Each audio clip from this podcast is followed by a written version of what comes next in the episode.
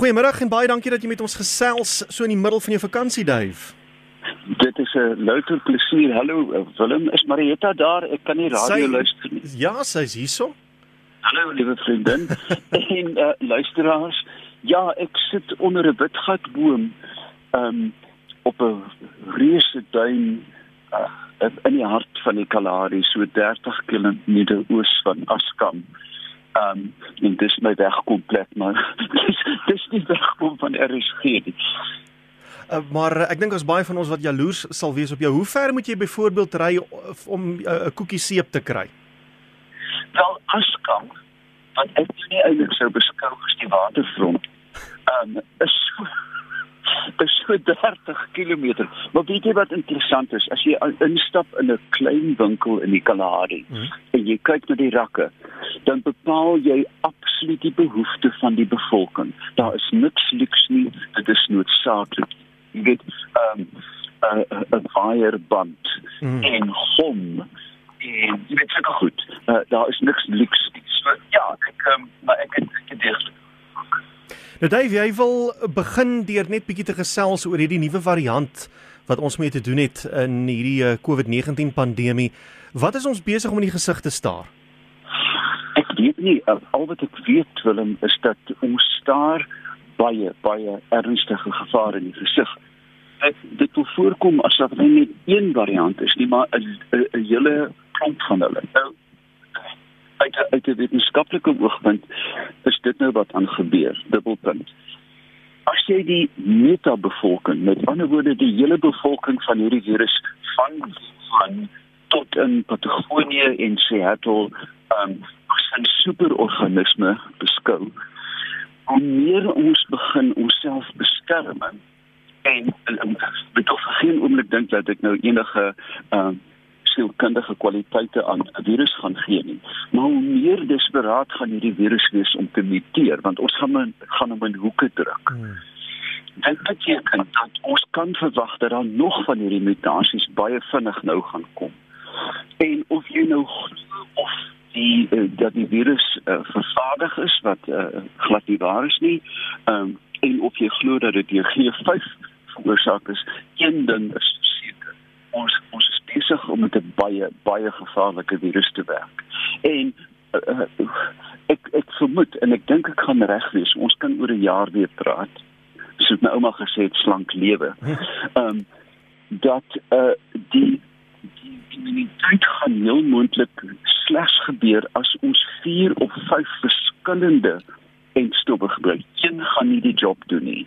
Want uh, jy weet hulle is ontwikkel uit verskillende fragmente van die van die virus, hang af van waar dit ontwikkel is. So dit gaan lank aanhou en bovenal wat jy ook al doen. Dan sien blaasballonne op maar moenie vir ouma soen langs die Kersfeestafel nie.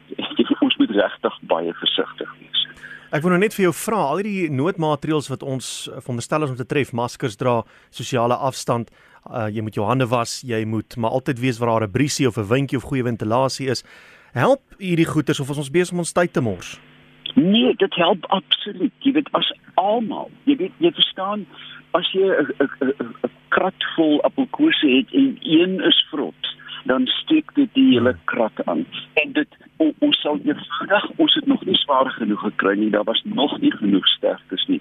Ons sal eenvoudig en dit gaan drakonies wees. Ons gaan dit moet afdwing. En dit is presies hoekom China so suksesvol was om dit te beheer want hulle is semi-militaristies hmm. hulle het net eenvoudig mense met gebeur hulle rondloop en vir jou 'n hels agter die kop gegee as jy nie uh, konformeer nie ons sal eenvoudig en ons moet dit op onsself neem om vir jou buurman te sê buurman ek wil baie graag met jou gesels maar sit eers 'n masker hmm.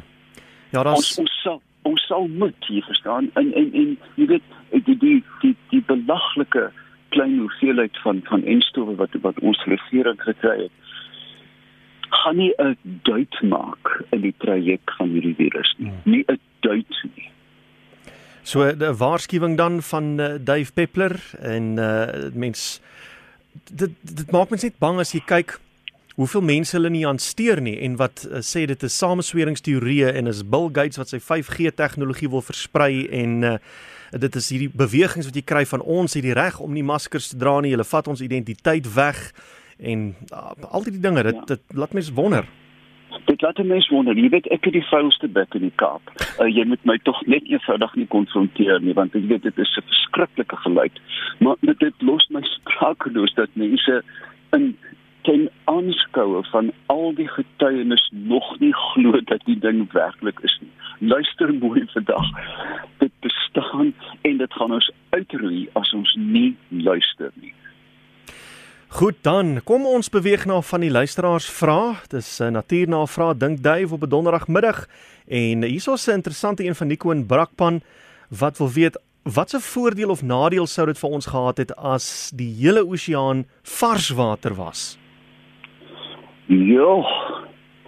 Ehm um, een dit is, is totaal onmoontlik. Uh, jy weet dit, dit dit kan nooit wees nie want die ehm um, die riviere en nie die reën nie, maar die riviere wat die wat die wat die seevoet en ook hierdie sogenaamde black gushers, die warm water pype onder die water hmm. is propvol gelaai met met elemente en soutte en metale. Ek dit is ontsettend baie goud in soutwater. Jy moet net die tegniek kry om dit vinnig genoeg deur 'n masjien te kry en dan kan jy geld maak. Hmm. Ja, letterlik, daar is opgeloste goud in soutwater. Um, dit sou 'n interessante planeet gewees het. Dit sou beteken dat die land of die dele wat bo die water uitsteek byna stil sou moet wees. Ehm um, ek ek dink nou letterlik uh, nie op my voete nie, ek dink op my alie hier op die duin.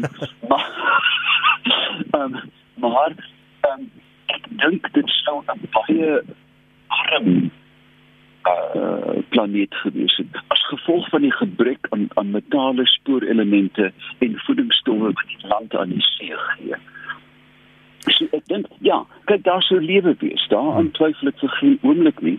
En ehm um, daar was selfs gister in die Guardian in Engeland 'n boeiende artikel oor 'n projeksie, 'n modellering ja. van van ander lewe in die heelal. En die interessantheid is dat meeste van die lewe op aarde, ag in die heelal reeds uitgesterf het. Al het hulle self vernietig al wat ons besig is om te doen. Ehm um, ja, ons ons weet dat die sedert die oerknal 13.4 miljard jaar gelede is die kans nul dat hulle nog lewe elders kan wees nie. Maar kanse is ook goed dat indien daar daardie lewe bestaan dat hulle self al klaar uitgewis het. Hier is dit Piet en Springs wat sê ek hengel haar langs die viswaters. Daar's twee swaalkies, hulle kom sit hier op die grond en pik aan eierdoppe. Is dit normaal vir swaalkies? Ehm um, dit is nou natuurlik kyk die swaalkies het uh, redelik onlangs is gekom en dit beteken ek dink dit is heel moontlik wyfies wat probeer hulle kalsiumvlakke opdruk om nog eiers te maak. Dis baie interessant dat as jy kyk na suikerbekkies byvoorbeeld wat nektarvoeders is, dat net vir die vir die broeiseisoen begin die wyfies spinnekoppe eet um net om kalsium te hmm. kry. So dit verbaas my glad nie. Hier's 'n vraag van Pikkie in uh, Swazirenike. Uh, hoekom uh, flaminke en hoe kry hulle dit reg om gedurende die nag te migreer? Dis nie net flaminke nie, uh pelikane, ehm um, swalkies, almal navigeer in die nag. Dis 'n baie komplekse vraag met nie een antwoord nie. Maar meeste diere wat migreer, het 'n suite wat hulle gebruik van van impulse. Duwe byvoorbeeld kan die see 500 km binnelands hoor. En met ander woorde hulle kan die kus volg as hulle by Beaufort verbyvlieg want hulle kan die Weskus hoor. Dit is ernstig. Ja. En dan is daar natuurlik hulle gebruik die magneetveld van die aarde en dit kan jy baie maklik toets. Jy kan 'n swaalkie vang, die stomme ding en 'n klein staafmagneet op sy kop vasmaak, dwars oor sy kop. En dan gaan hy 45 of 90 grade in die verkeerde rigting vlieg want hy is die aarde se magneetveld dan um, gebruik baie voel sterrebeelde en dit hulle gaan sit as dit bewolk is want hulle kan nie die sterre sien nie. Um, en wat gebruik hulle nog uh, genetika? Daar is 'n baie sterk genetiese komponent wat wat hulle rigting vasmaak. Uh, met ander woorde daar's 'n daar's nie altyd een antwoord nie, hulle gebruik hierdie wonderlike reënboog van indrukke om hulle pad te vind. Jan Viljoen in Alberton vra wat is die sin om stikstof in jou motorbande te pomp as die lug wat ons inasem reeds so baie stikstof bevat? Ja, uh, jy weet die uh, die die voordeel van stikstof in bande, jy weet, ek is nou nie wel ek is eintlik 'n petrolhead, laat ek dit maar eenmal sê op op af. Ja, jy weet jy moet jy weet as niemand kyk nie jaag ek. Want ek niemand ek, ek kan nie bekostig want ek is nou veronderstel om groen te wees. Maar hoe dit ook al sê, die ek dink as dit reg is, is die die gedagte daar agter dat die band koeler loop as jy suiwer stikstof gebruik. Ehm um, met ander woorde, jy weet selfs as jy stop uh, op reis en jy voel aan jou bande is hulle kokend warm. Mm. En hoe warmer die weer is en hoe warmer hoe vinniger jy ry, hoe vinniger jy slytasie. En stikstof het dan die voordeel, dink ek, en ek ek, ek sal 'n bietjie met nalees dat die band koeler loop. So suiwerste, hoe, hoe meer stikstof jy dan in indruk, hoe koeler sal jou band loop. Ja, ek dink verstaan is uh, stikstof is is baie minder geneig om uh, te reageer aan buitekant temperature soos gewone lug wat jy inpomp. So as ja. jou jou die druk van jou band bly baie meer konstant wat jou help met dinge ja. soos jy dit nou geloop uh, soos jy nou genoem het dat jou uh, loopvlak langer hou en dat uh, onder dat jou band nie miskien sal bars onder uh, ewige omstandighede soos kwaai hitte of kwaai uh, koue en so aan nie. Ja, uh, jy weet uh, net is er nog uh, kom ons kom ons doen nou ons kerslig film dat ehm um, of jy nou ry met 'n Lamborghini Countach of a, met respek aan Toyota 'n klein Taz van van 'n van 'n paar dekades oud. Mm. Die die oppervlak van jou band aan die pad is dieselfde vir beide voertuie. Dis daai dun strokie wat jy op die pad hou. So, Kers en Nuwejaarsreise, kyk tog asseblief na jou bande ongeag van jou motor. Dis daai vier reete rubber hmm. tussen jou en die dood. Dit ja, dis letterlik waar.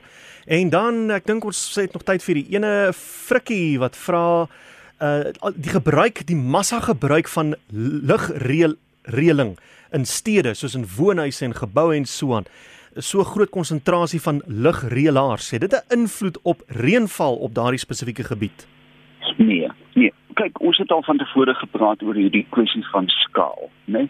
dat indien jy 5 miljard uh wel daar is dalk 5 miljard in Delhi maar um, die hele knop gelyk aanskakel dan gaan dit dalk 'n baie beperkte effek hê baie meer interessant is en baie meer uh, vir my ek het dit al jare gelede by die universiteit probeer en ek is by die agterdeur uitgelag. Ja. Dink byvoorbeeld aan 'n groot inkoopsentrum in Appington. Uh -huh. Dit is uh, enkele hektare onder dak en die hele ding is verkoel. Elke minuut stroom honderde liters water want dit kondenseer natuurlik uit. Um dat hierdie goed moet opgevang word. Jy weet jy kan mm. jy kan dorpe voorsien aan water net uit die water wat uit lugverkoeling uitkom. Mm. En daarmee kom Dinktyf tot 'n einde. Baie dankie dat jy bereid was om op Ou Kersdag met ons te gesels. Geniet jou vakansie, geseënde Kersfees en voorspoedige 2021 vir jou, Duif. Willem, baie dankie.